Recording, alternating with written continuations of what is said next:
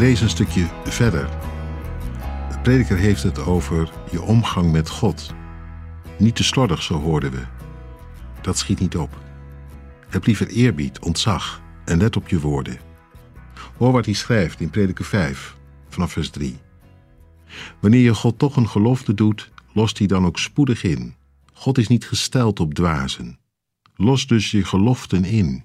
Je kunt beter geen gelofte doen dan een gedane gelofte niet inlossen.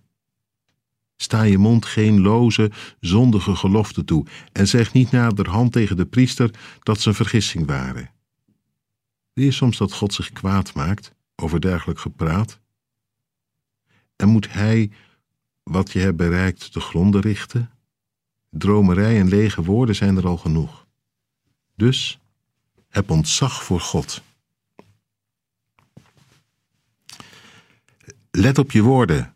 De prediker zegt het een en ander maal. Weet wat je zegt, zeker als je het zegt tegen de Almachtige, de eeuwig levende, God zelf. Het is gauw gezegd. Ik ga ervoor, voor u. Het is gemakkelijk gezongen. Heer, ik prijs uw grote naam. Heel mijn hart wil ik u geven. En ik geloof dat je het meent. Maar je weet zelf, als het erop aankomt, kan het zomaar, soms nog geen uur later al gebeuren, dat je precies het omgekeerde doet van wat je zei en zong. Heel mijn hart, ja, tuurlijk, op dat moment.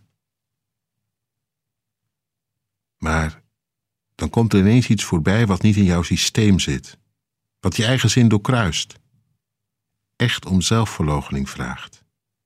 En dan kan het zomaar gebeuren dat er niks van terecht komt. Dat je denkt, ja, maar wacht even, dit niet.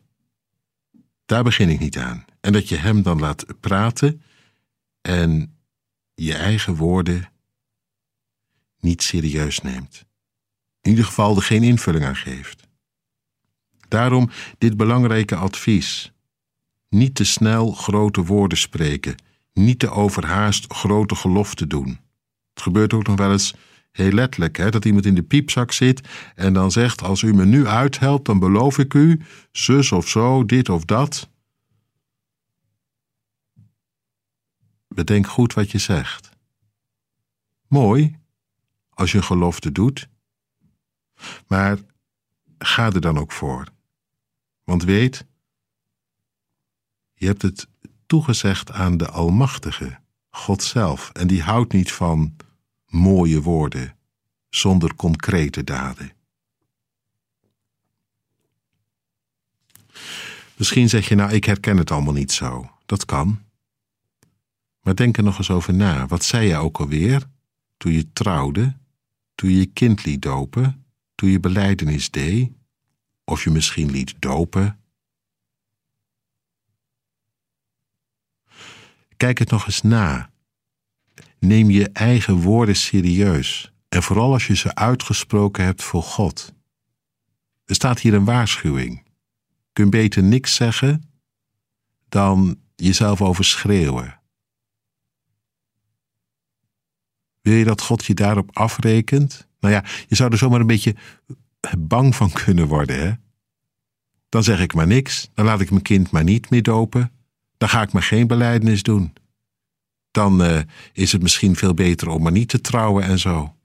Nee, dat is niet wat de prediker bedoelt. Dat wij voortdurend een slag om de arm houden. Bijvoorbeeld er al vanuit gaan, er komt toch niks van terecht.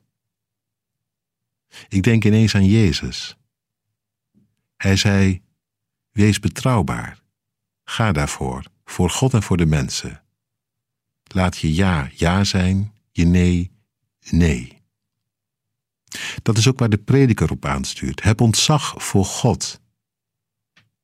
En laat het van daaruit zo zijn dat je maar niet wat in de ruimte roept, maar wel bewust je keuzes maakt en daarvoor gaat. Weet je wat zo mooi is? Je hoeft niet volmaakt te wezen, niet alles te overzien voordat je een belofte doet. Je hoeft je alleen maar toe te vertrouwen aan Hem die je kan hebben.